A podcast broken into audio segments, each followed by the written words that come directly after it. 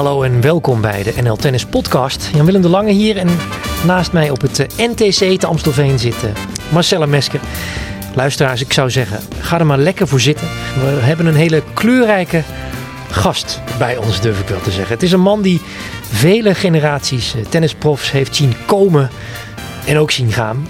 En het is iemand die al heel wat legendarische momenten heeft, heeft vastgelegd. Hij heeft denk ik ook ja, misschien wel de mooiste werkplek van iedereen in de tenniswereld gehad. En nog steeds wel in handen. Staan op de eerste rij bij alle banen waar die komt. Vaak nog dichterbij dan de ballen, jongens. Ik heb het over de tennisfotograaf van Nederland. Henk Koster, welkom. Ja, dankjewel. Wat een intro zeg. Bloos ervan. Gelukkig zien jullie dat niet, maar wat een intro. Ja, en Henk, uh, nou, Jan-Willem en ik, we kennen je natuurlijk al, al vele, vele jaren. En uh, ja, deze week zitten we hier op het eh, NTC voor een ja, mooi, belangrijk interview met jou. Maar is dit nou echt je afscheidsinterview? Nee, ik, hoop het niet. Maar uh, het, is wel, het is wel zo dat ik uh, vanuit mijn kant mijn contract heb opgezet met de KNLTB. Ik blijf gewoon beschikbaar, heb ik gezegd. in ieder geval, mochten ze willen dat ik een Davis Cup of een Billie Jean King Cup ga coveren voor ze, dan blijf ik dat natuurlijk met grote liefde doen. Als ze het niet vragen, dan zal ik hoogstwaarschijnlijk toch wel uit eigen gelegenheid een paar dagen verschijnen. Om, om toch ja, dat mee te maken, want het is een stuk van mijn leven geworden, wat ik niet meer zo, wat ik niet zomaar kan loslaten. Dat is, dat is evident. Dat, dat, dat zou, ik zou het niet kunnen trekken om naar de televisie te zitten kijken bij een Davis Cup wedstrijd. Terwijl ik weet dat uh, boot ik daar iemand uh, in de pan hakt. Voor de duidelijkheid, jij bent de huisfotograaf bij de, de Tennisbond. Ja. En daar had jij een contract. Ja. Uh, en, en dat ik, loopt nu af. Ja, dat heb ik dus opgezet per 31 december. Dus dit is, deze week is mijn laatste uh, kunstje voor de bond. En dan, ja, ik blijf beschikbaar. Maar uh, ik, weet, ik, weet natuurlijk niet in hoeverre zij mij nog gaan benaderen voor dingen. Maar ik kan me heel goed voorstellen dat ze zeggen van ja, we gaan iets anders doen. We gaan, ja, met een andere fotograaf verder. Ik ga natuurlijk ook gewoon roepen dat ik twee maanden naar Spanje ga op een bepaald moment. En als er dan iets is, ja, dan ben ik er niet. Dus uh, ik ga wel uh, van het leven uh, wat genieten, wat meer. Nou, Henk, ik geloof daar helemaal niks van. Nee. Jij bent iemand, iemand die er altijd was. Ja. Dan ben ik er gewoon niet. Volgens mij kun je dat helemaal nou, niet. dat is ook heel moeilijk. Dat is ook heel moeilijk. Ik, het is nu de laatste tijd zo dat heel veel mensen aan mij vragen van wat ga je dan doen? Dus ja, ik ga. Ik, ik heb in ieder geval tien archiefkasten met vier laden. En dat zijn dus uh, eh, 40 laden uh, met, met hangmappen. En in elke hangmap zitten 24 dia's. Uh, ik heb een hele grote kast met ordners. dat zijn dus negatieven. Dus ik heb vanaf 75 heb ik tot. Dat bestaat dus nog, negatieve. En ja, maar dat is allemaal. Uh, tot en met 2002 ben ik nog uh, analoog geweest. En 2002 ben ik pas digitaal gegaan. Maar ja, ik heb dat uh, als ik een, een, verzoekje krijg voor Steffi Graaf of, of noem het maar op, uh, borg of, of, of, of uh, noem, noem, ze maar uit die oude doos, dan trek ik een archieflade open en dan haal ik dat zo tevoorschijn. Het is keurig netjes gearchiveerd. Als ik dit allemaal nog door wil nemen, wat ik in die kasten heb staan, moet ik toch wel, nou ik denk wel 130 worden of zo. nou goed, over dat archief krijgen we nog genoeg gelegenheid, Henk. Daar gaan we nog over praten. Okay, helemaal goed. Wat wij namelijk eerst altijd doen, dat is een vlugge warming-up. Ja. Even wat korte vragen. Je, je, bent al lekker warm volgens mij, dus of het nodig is, weet ik niet. maar het zijn toch even wat vragen om, om lekker op stoom te komen.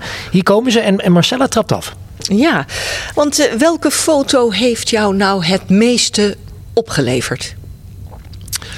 Qua financiën? Mag jij, of qua... mag jij zeggen? Nou ja, qua, uh, ik denk wel, qua financiën was het wel uh, Richard op zijn knieën op Wimbledon.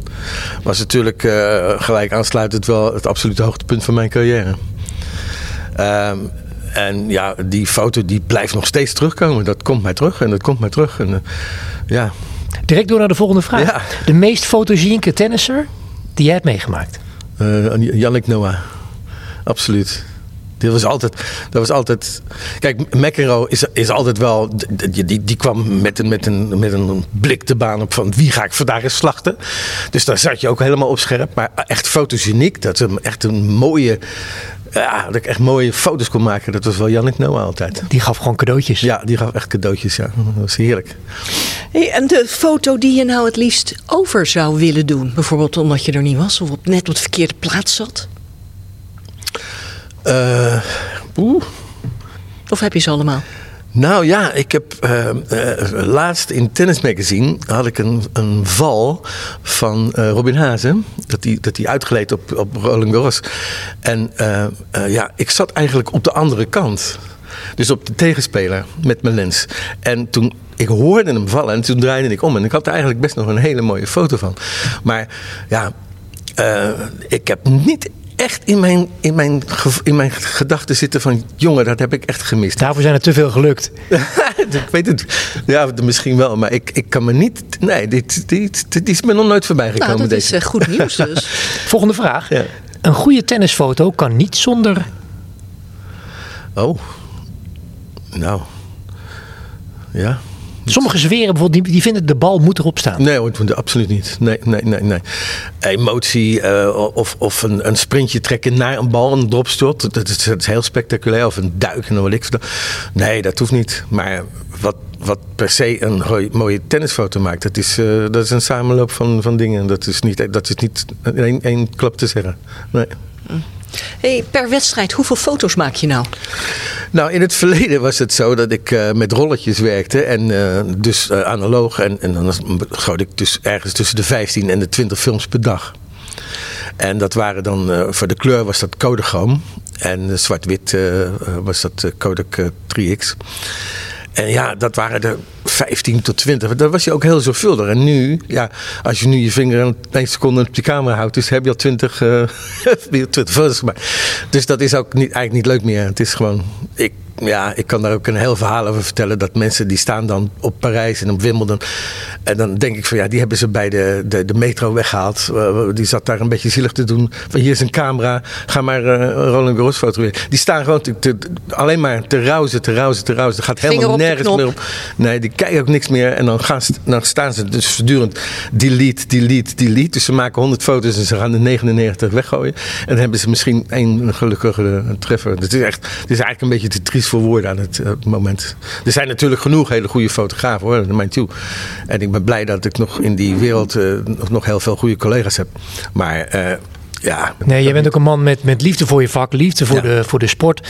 En het is alsof je het script hebt gelezen, Henk. Want we wilden het ook om te beginnen gaan hebben over het vak fotograaf. De intro is, uh, is geweest, dankjewel.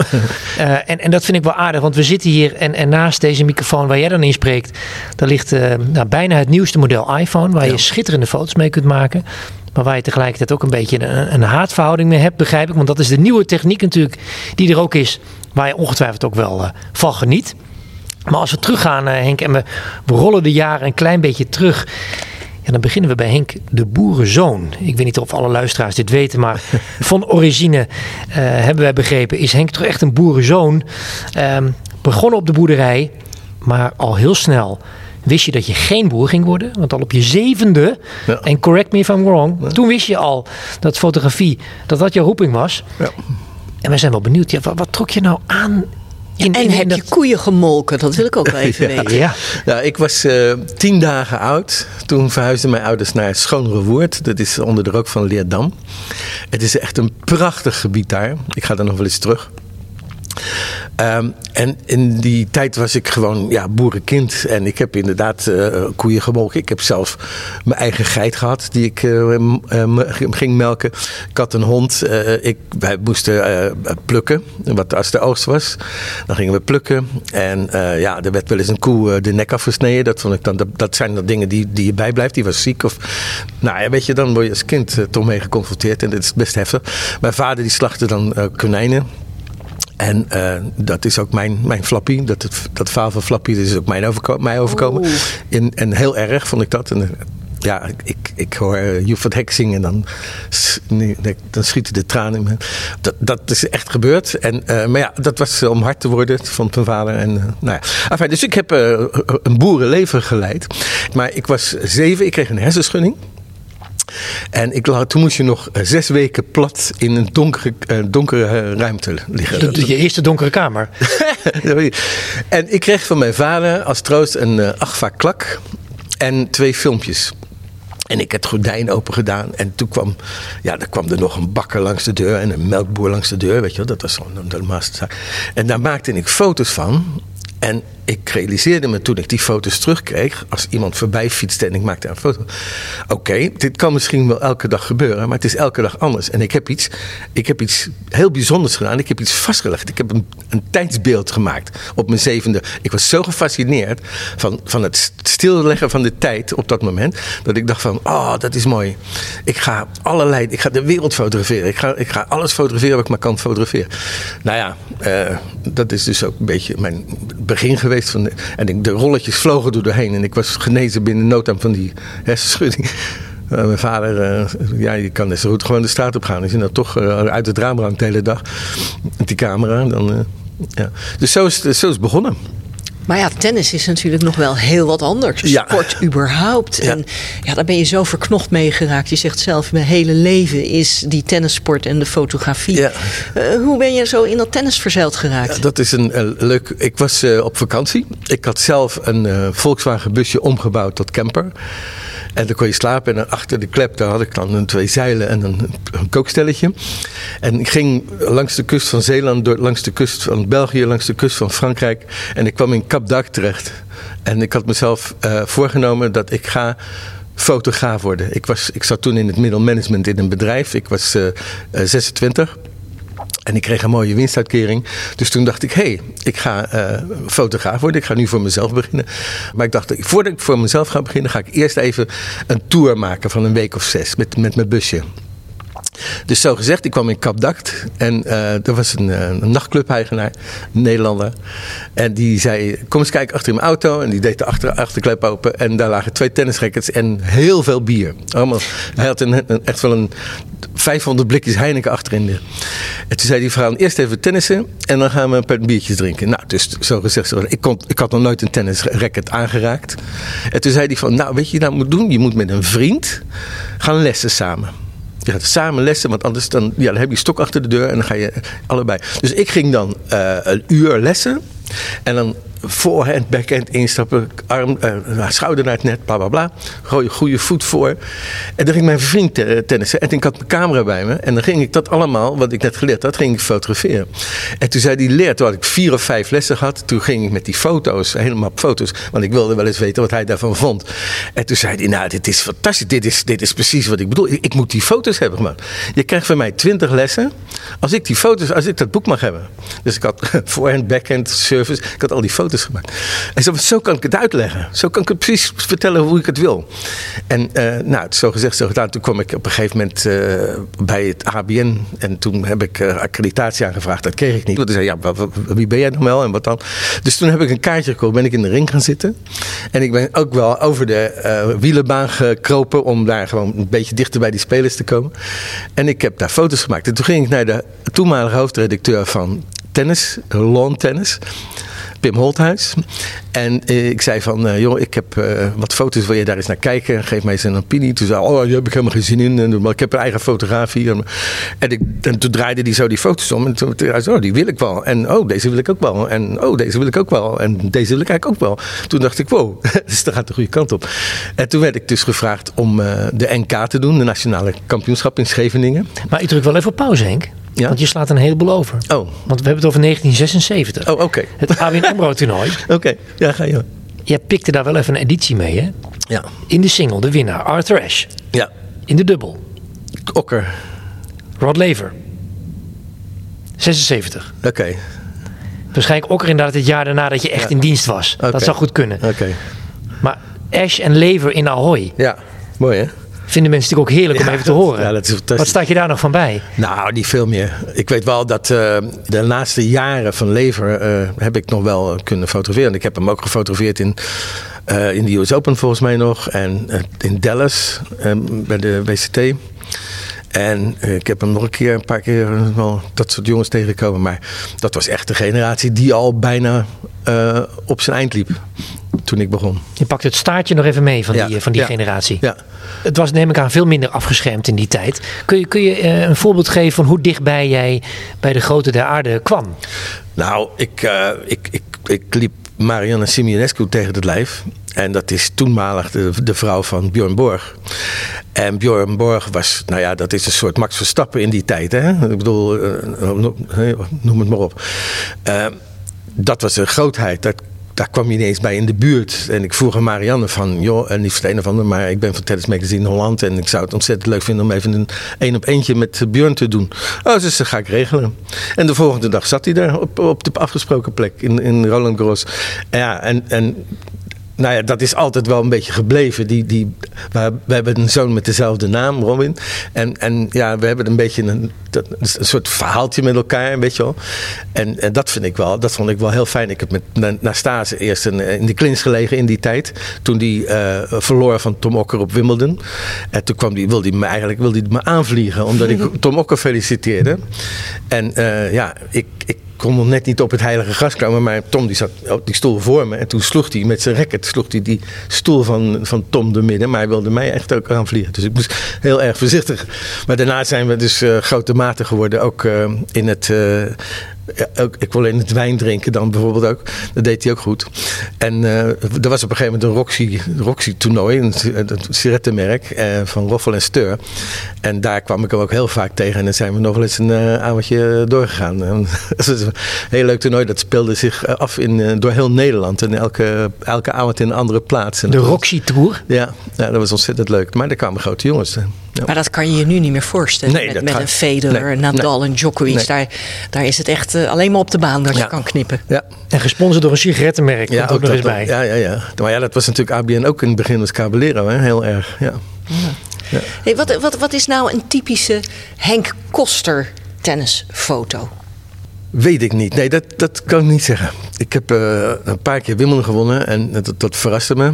Ik ben de, de enige... fotografenprijs ja, op Wimbledon. Ik ben de enige Nederlander die drie keer Wimbledon heeft gewonnen. En uh, het mooie was dat, uh, ja, dat, dat is dan. Dat zijn dan toch eigenlijk wel een beetje ja, toevalstreffers. Hè. Uh, een neusje misschien voor het vak ja, zou je ja, kunnen ja, benoemen. ja, je ziet iets gebeuren en dan denk je, wauw, ik hoop dat er, daar ga ik even op zitten. Ik hoop welke dat, foto's waren dat dan? nou, één was een duikvlucht van Ivan Lendl. Die, die duikt naar een, een, een volley. En zijn racket is dus op de grond en zijn benen zijn in de lucht. Hè. Je kan niet, niet voorstellen. De tweede keer dat ik was uh, Leighton Hewitt. Er staat een, een lijnrechter. Dat is een forse vrouw. Dan staat Leighton Hewitt voorovergebogen. En er staat een ballenjongen tussen. Dus het is een soort Eiffeltoren. Je ziet ze achter elkaar staan, ja, hè? Ja, en dat zag ik en dacht ik, oh, dat, dan ga ik, dan moet ik naar platform B. Dat is mijn favoriete platform op Wimbledon. Dat is tussen de Royal Box en de, en de coaches. Die, die moet je helemaal gebukt. Moet Kruip je daar door, sluip door. Ja, weg. kruip door, sluip door. En dan met je camera's over je nek. Dat is best wel een, een pittige. Maar dat is zo'n mooi plekje. Vooral uh, ja, voor, voor. Want ze juichen altijd naar, naar de coach of naar de man of partner. En de derde was Serena Williams. Ja. Daar had, die had die plate, die, die, die, dat is op, op zaterdagmiddag de damesfinale. En ze heeft die plate en, en uh, die, die, die zon die schijnt in die plate, een, een zonnestraal, en die, die, die, die komt op haar borst. En op één moment kijkt ze heel vertederd in die schaal en die de zonnestraal die kaatst in haar gezicht. Dus iedereen rende naar de perskamer en iedereen shit, shit hoor ik overal shit en ik mijn vinger, jongens ik heb het. dus het zijn gewoon toevalstreffers. Maar daar vond ik ook nog eens een keer en de laatste dag en de overalprijs mee. Ja, je doet jezelf dan natuurlijk wel een beetje tekort in toevalstreffers. Hey, um, we hadden het net natuurlijk, of dat zei je in de intro, over Wimbledon. Natuurlijk de knieval van Richard Krajicek, ja. 1996. Jouw Ja. hoogtepunt. Ja. Uh, het hoogtepunt in de Nederlandse tennisgeschiedenis. Um, ik heb me laten vertellen dat um, ja, die strieker toen, Ja. ja, die zette wel een streep door heel wat voorbereidingswerk van jou. Ja. Uh, wat kun je daarover vertellen? Want Ja, dat is een mooi verhaal. Dat is echt dramatisch, ja. Nou ja, dramatisch. Ik, ehm, ik zat dus op mijn favoriete plekje, op platform B. Dat had ik bedongen, dat kreeg ik ook van de Op het, ce- op het centenkoord van Wimbledon. Ja, dus aan rechts van mij de spelers, eh, mannen, eh, partners en links van mij de Royal Box. En ehm, tien minuten voor de wedstrijd komt de perschef heel streng. Tien En- minuten voor de finale van Ja, een voor tegen twee. Washington. Tien voor twee. Dus de, de spelers lopen exact om twee uur de, het veld op, de, baan, de baan op. En eh, ik word tien voor twee, word ik heel streng weggehaald. Ik denk, mijn goodness, wat is hier aan de hand, jongens? Ik, eh, eh, neem je spullen mee, neem je spullen mee. Ik zeg, ja, wat dan? Wat is er aan de hand? Hij "Nou, neem je spullen mee. Dus ik neem mijn spullen mee. Tussen al die jongens door, dat is natuurlijk gepakt, er zitten er daar normaal gesproken acht in dat platformpje. Met, met zo'n finale zitten er twaalf. Hè. Terwijl jij klaar zat voor de wedstrijd Ja, van je leven. en, en, en, en super nerveus te zijn natuurlijk. Want ik had best wel het idee dat hij een kans had. Dus ik zit daar en toen zei hij, ja, je gaat naar, de, naar het veld. Dus één Amerikaan en één Nederlander. Ik dus, want ik was altijd de enige Nederlander op Wimbledon, fotograaf. En, maar er waren, omdat Richard in de finale speelde, waren er een stuk of vier, vijf eh, Nederlanders bijgekomen. Die waren er naartoe gekomen. Maar ik mocht dus op het gras, op het heilige gras, met een Amerikaan. En de, de spelers die draaien dus eh, de andere kant op. En op dat moment komt die strieker voorbij. En als ik daar had gezeten op dat platform, had ik de meest fantastische foto gehad. Maar wat nog erger is, ik was op vrijdagavond naar huis gegaan. Ik ben mijn archief ingedoken. Ik heb een foto van Richard Krajicek als ballenkind. Een mooie kleurenfoto zelfs nog. Als ballenkind. Ik heb een foto van Richard zijn eerste junior toernooien wint. Ik heb foto's van Richard met het zilveren racket in Antwerpen. Ik had een hele serie. Ik had iets van 12 foto's afgedrukt. Maal 40. De levenslijn van een Richard op van, tennis. van ballenkind tot Wimbledon winnaar. kampioen, Ja. ja. En dat had ik gedaan. Op vrijdagavond ben ik weggegaan. Ik ben zaterdag de hele dag de damesfinale. Dus je bent uit Londen weggegaan. een vluchtje genomen, heel snel. Ik heb de hele eh, vrijdagnacht en de hele zaterdag gewerkt. En zondagochtend heb ik weer een vliegtuig genomen terug. Ik heb aan al die journalisten zo'n pakje foto's uitgedeeld. Toen kwam, de, toen kwam de ineens en toen was het over. Ik heb er niks, aan, eh, niks van... eh, Die stond op alle voorpagina's. ja, overal. Ja. Heb je die strikken nog opgezocht na afloop om er Nee. even vriendelijk te bedanken?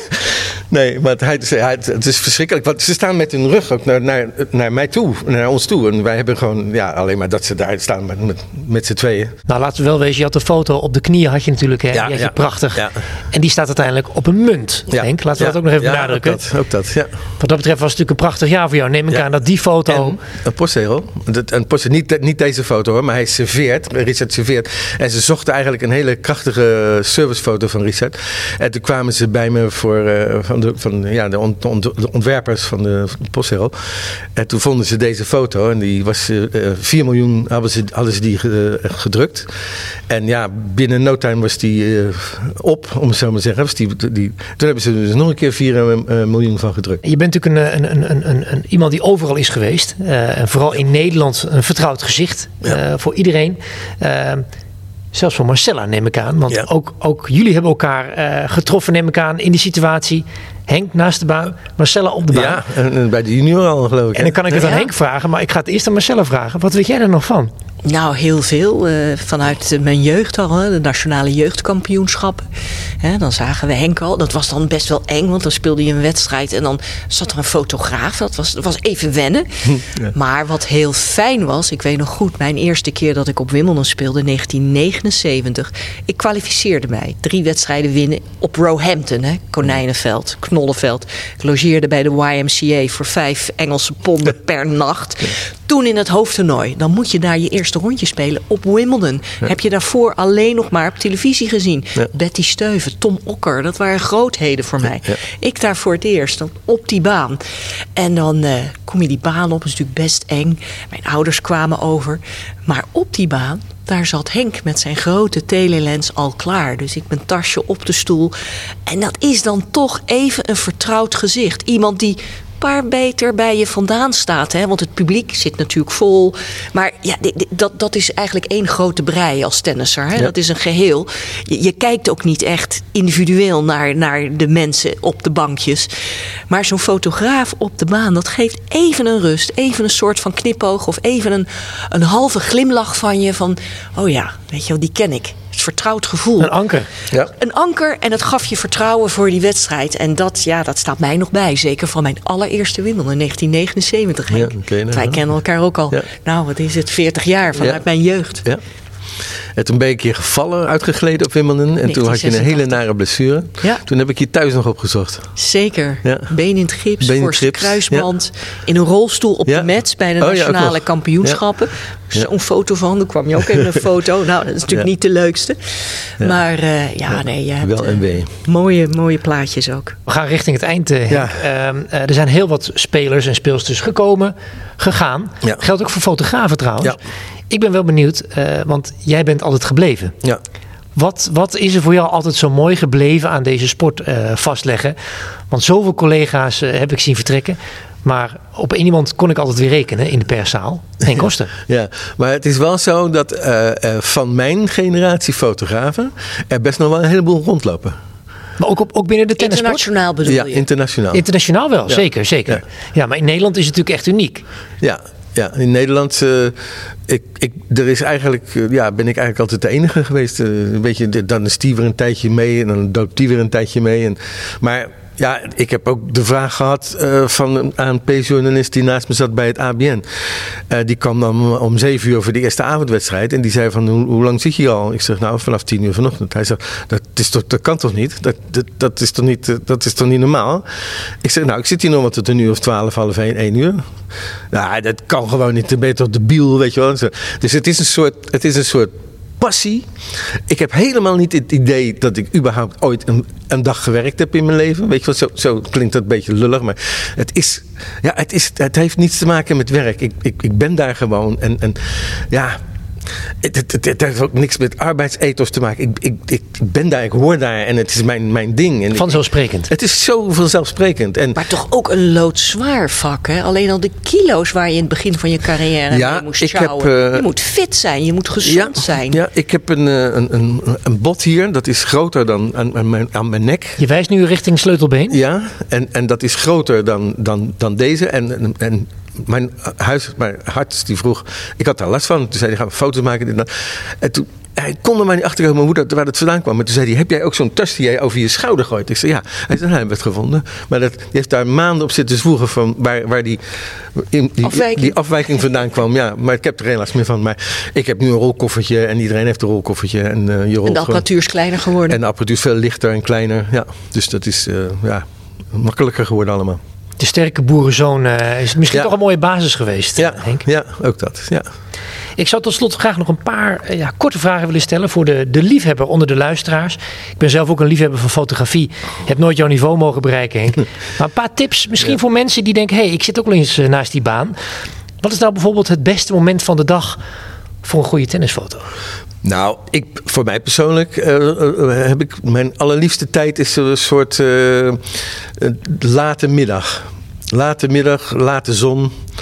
Um, Wat kun je dan? Ja, dan kan je met tegenlicht. Kan je, ik ben een, een enorme fan van tegenlicht. En um, ik weet nog wel. toch bij die Henk Koster foto, hè? Ja, ja, we komen er wel hoor. We zullen hem krijgen. Ja, ik ben helemaal, helemaal gek op tegenlicht. En, en dan uh, het liefst. Uh, ik ging op een gegeven moment op Wimbledon was het heel naar weer. En Timo de Bakker, ik had wat foto's van hem gemaakt, maar ja, grijs en grauw. En, ja, dat, ik moet het dan wel maken, maar ik heb het helemaal niet naar mijn zin op zo'n moment. Het is naar weer, net als nu als we nu naar buiten kijken, het lijkt net of het elk moment gaat sneeuwen. Weet je nou. Zo, zo'n beetje weer was het. En ik loop terug naar het perscentrum en dan moet je dus daar een trap op. En ik loop die trap op en de zon komt door. En ik dacht, wow, dat is mooi. Ik terug en Timo duikt naar een bal. Een fantastische foto geworden. Dus ik was zo blij. Dan, dan ben ik zo blij als een kind. Als ik dan samen zit te eten. Dan denk ik, ja, blij ik teruggegaan ben. Weet je wel. Nou, dat zijn geen toevalstreffers, Henk. Dat, nee, uh... dat is geen toeval. Maar dit, dat is dus favoriet. Mijn favoriete uh, licht is laat in de middag. Maar ja, je moet ook om, s ochtends om tien uur of s middags om één uur als de zon pal boven staat. Moet je ook fotograferen. Want dan, dat zijn gewoon, ja, tennissers die op dat moment staan te spelen. Die moet je gewoon maken, ja. Heb je nog een droomfoto? Die je graag Nee, nee. zou willen maken? Nee. Federer? Nou, Federer is een verhaal. Ik heb, Federer ken ik al zo lang, vanaf een jochie. En hij, was, uh, hij speelde in het ABN-toernooi. Uh, in de kwalificatie. En toen zei, uh, toen zei ik van, uh, Roger, ik wil even wat foto's van jou maken in de kleedkamer. Is dat goed? En toen zei hij, ja hoor, dat is goed, maar ik moet eerst papa bellen dat ik in, de, in, de, in het hoofdtoernooi zit. Papa, ik zit in het hoofdtoernooi. Nou, dat vond ik zo aandoenlijk. En sinds die tijd, als hij dan, naar, waar ik hem ook zie, hij komt altijd met gestrekte arm naar me toe. En ja, hoe is het ermee? En ja, het enige, enige echt een, een, ja, een goat, hè? Greatest of all time. Het is echt zo'n fantastisch keel. Ja, heel, helemaal lekker zichzelf gebleven altijd. En ondanks het de hele wereld aan hem staat te trekken. Maar het is een, prima keel, een hele mooie tennisser. Van, echt wel een de mooiste die ik. Het, het sierlijkste en het, het mooiste gezien heb. En ja, om even terug te komen op Richard. Ik, wat ik echt heel erg mooi vond in mijn carrière. Als een van de hoogtepunten natuurlijk dat hij Wimbledon won. Maar dat hij me s'avonds uitnodigde voor het diner. Dus in de, in de Royal Huppelputs, Ritz, uh, Carlton, weet ik veel welke hotel het was. Maar dat ik dan s'avonds, dat ik een smoking moest gaan halen bij de kleedkamer van. Want die hebben dus een hele kleedkamer met smokings, hè, daar weet je alles van mezelf. En uh, dan ging ik dus een smoking halen, want anders kwam je er niet in. En uh, ik had mijn camera-spullen bij me, maar dat mocht niet. Dat mocht, wacht, mocht niet gefotografeerd worden. En toen was de vriendin van zijn coach, hè, Gutje die had een klein toestelletje en die liep gewoon lekker foto's te maken. Dus ik heb onder de tafel steeds een rolletje gewisseld. En ik zei, even die even, even bij die langs, even bij die langs, even bij Steffi langs. En als uh, Richard en Steffi de dans openen, dan even een fotootje maken. Dus die, die mocht dat wel, maar ik mocht, ik mocht mijn fotocamera moest ik inleveren. Maar dat was wel het, echt een van de mooiste dingen dat, die, dat ik daar uitgenodigd werd. Dat vond ik fantastisch. Emotioneel. Ja. Prachtig Henk. Nou, het pasje hangt om je nek. Henk Koster, KNLTB, fotograaf. Ja. Uh, het is de laatste week uh, dat dit uh, op die manier zo is in ja. ieder geval. Ja. met, met een zwaar gemoed ging je hier naartoe vanochtend of zit je zo nee, in elkaar? Nee, nee, nee. nee. Ik, heb, ik ga lekker verhuizen naar de, de, de, het oosten van het land. Ik weet nog niet waar ik terecht kom, maar Zutphen staat op het ogenblik wel op nummer 1 voor de vestiging. Bedankt Henk voor, voor deze verhalen. Heel erg leuk. Uiteraard ook voor alle prachtige beelden. Tot zover dit gesprek met, met Henk Koster, tennis-icoon uit Nederland, uh, durf ik wel te zeggen. En uh, wil je deze aflevering terugluisteren of andere afleveringen beluisteren, dan kan dat via je favoriete podcast-app. Voor nu bedankt voor het luisteren en tot de volgende keer.